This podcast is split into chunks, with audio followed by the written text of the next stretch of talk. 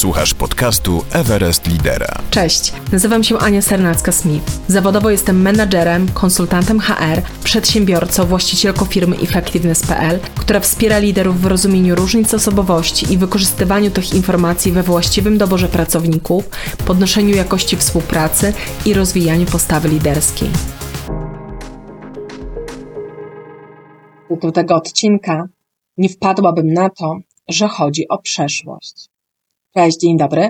W drugim odcinku podcastu w nowej odsłonie, dla przypomnienia, dodam na samym początku, że mamy trzy odcinki, takie krótkie, e, i będą to e, historie z życia wzięte o tym, jak zaoszczędzisz sporo pieniędzy, jak zaoszczędzisz sporo czasu i trudnych emocji, biorąc pod uwagę różnice osobowości. I dzisiaj mamy drugi odcinek z tego cyklu trzech krótkich historii.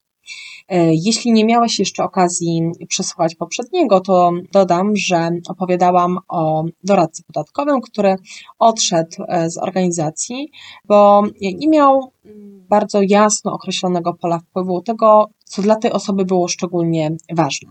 No tak miał um, ustalone warunki, że też będąc na kontrakcie mógł odejść z dnia na dzień. I to się zadziało i to nie wpłynęło pozytywnie na morale całego zespołu, na poziom ich zaangażowania. A dzisiaj mamy historię dyrektora sprzedaży w branży kosmetycznej. Naszym bohaterem dzisiejszym, bohaterem dzisiejszej historii jest Paweł, e, który awansował na dyrektora sprzedaży. I co ważne tutaj, był to awans e, wewnętrzny.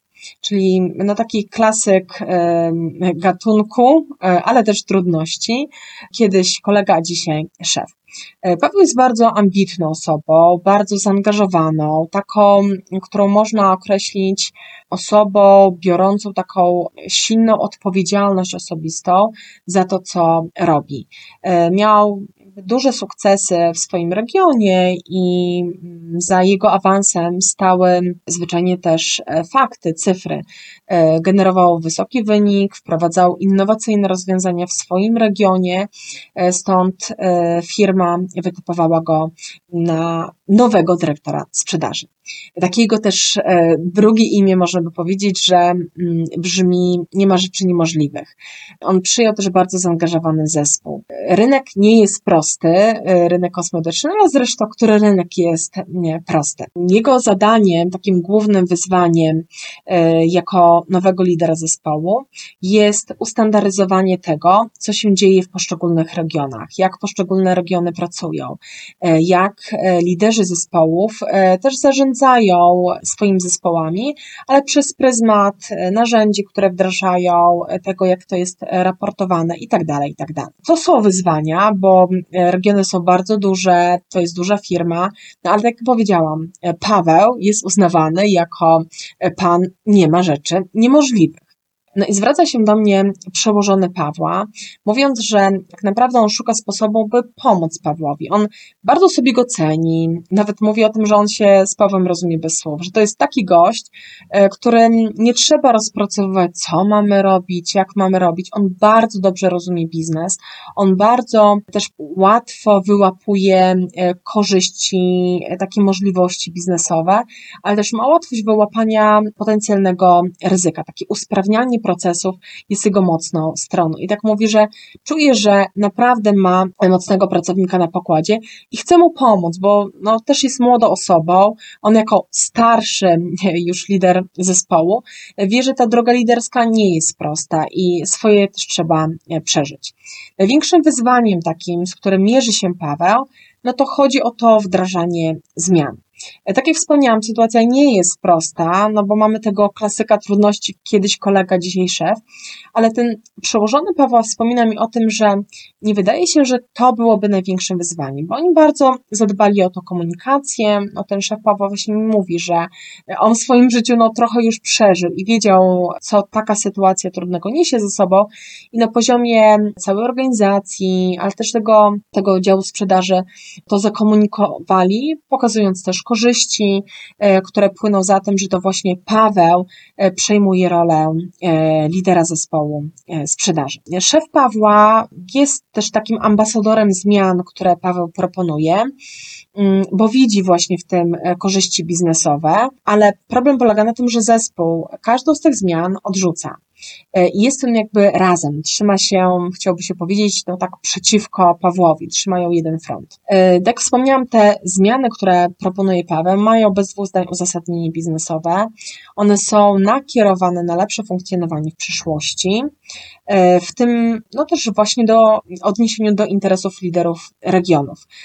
Paweł wskazuje też no, zwyczajnie nawet na korzyści finansowe, które będą mieć liderzy regionów, jeśli te zmiany będą wprowadzać. E, a tutaj chodzi konkretnie o system raportowania, narzędzia, z których korzystają. I to właśnie będzie to następnie wdrażane do zespołu. Jakby dla przypomnienia celem jest standaryzacja tego, jak firma pracuje. No i co ważne, Paweł jest bardzo rozczarowany i mówi, Ania, ja już nawet na siebie wziąłem opracowanie tego, jak coś mamy wdrożyć. Daję tym ludziom gotowe rozwiązania. Jestem dostępny i mówi, nawet nie za bardzo chcę się tym chwalić, no ale tak jest, bo uznałem, że w tej sytuacji, kiedy no właśnie byłem wcześniej ich kolegą, chcę, żeby e, czuli, że jestem dyspozycyjny, że jak do mnie dzwonią, no to odbiorę, jak nie odbiorę, to odzwonię, że nie chcę ich zostawiać samych ze zmianami. Mówi, no świątek, piątek, niedziela, ja jestem. Właśnie chcę zabezpieczyć taką sytuację, bo rozumiem, że jedni czy drudzy mogą potrzebować więcej informacji niż to, co na przykład jest przekazane na wspólnym cyklicznym spotkaniu, to on mówi jestem. Każdy region ma swoje regiony, no to jestem, żeby wspierać tym, żeby wypracować mm, odpowiedzi na jakieś wyzwanie. On mówi nie chcę tak pracować długofalowo, ale tu i teraz podjąłem taką decyzję. Mam świadomość i to też zakomunikowałem zespołowi. Zadziało się też dlatego, że zespół swego czasu na przykład narzekał na to, że no, e, jest w terenie e, większość dnia, no i kiedy de facto ma przygotowywać te zmiany.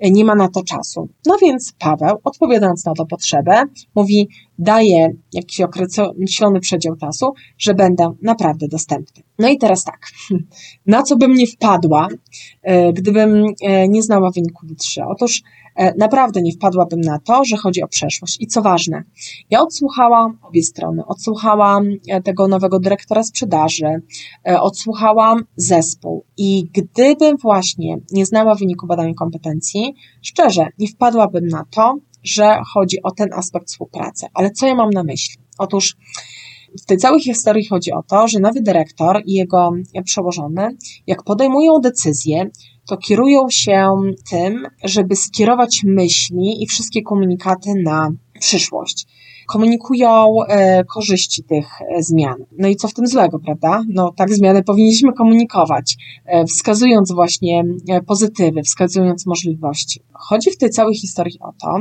że zespół też chce zmian, ale w kierunku przyszłości to on z zaangażowaniem pójdzie tylko wtedy, kiedy on wpierw to się rozliczy z przeszłością. Kiedy on będzie rozumieć, jak te zmiany w przyszłości mają się do przeszłości oraz ten zespół właśnie inaczej ma niż ten lider zespołu, co do tego, że bardzo potrzebuje docenienia tego, co w przeszłości zostało wypracowane, uznania tego, uwzględnienia tego w komunikacji. E, chodzi o to, że e, nasz Paweł i jego szef są bardzo podobni do siebie, jeśli chodzi o wartości, którymi się kierują, podejmując e, decyzje. I właśnie oni, podejmując decyzje, kierują się w kierunku przyszłości. To jest bardzo biznesowe podejście. Chodzi o to, że są osoby, tak jak ten zespół, i okazało się, że ten zespół miał to spójne ze sobą, że oni kierują się inną wartością. E, w tym dłuższym odcinku, czwartym, opowiem Ci dokładnie, o jakie wartości chodzi. Oni kierują swoje myśli do przyszłości. Oni mówią, my pójdziemy do przyszłości, ale inaczej niż Ty.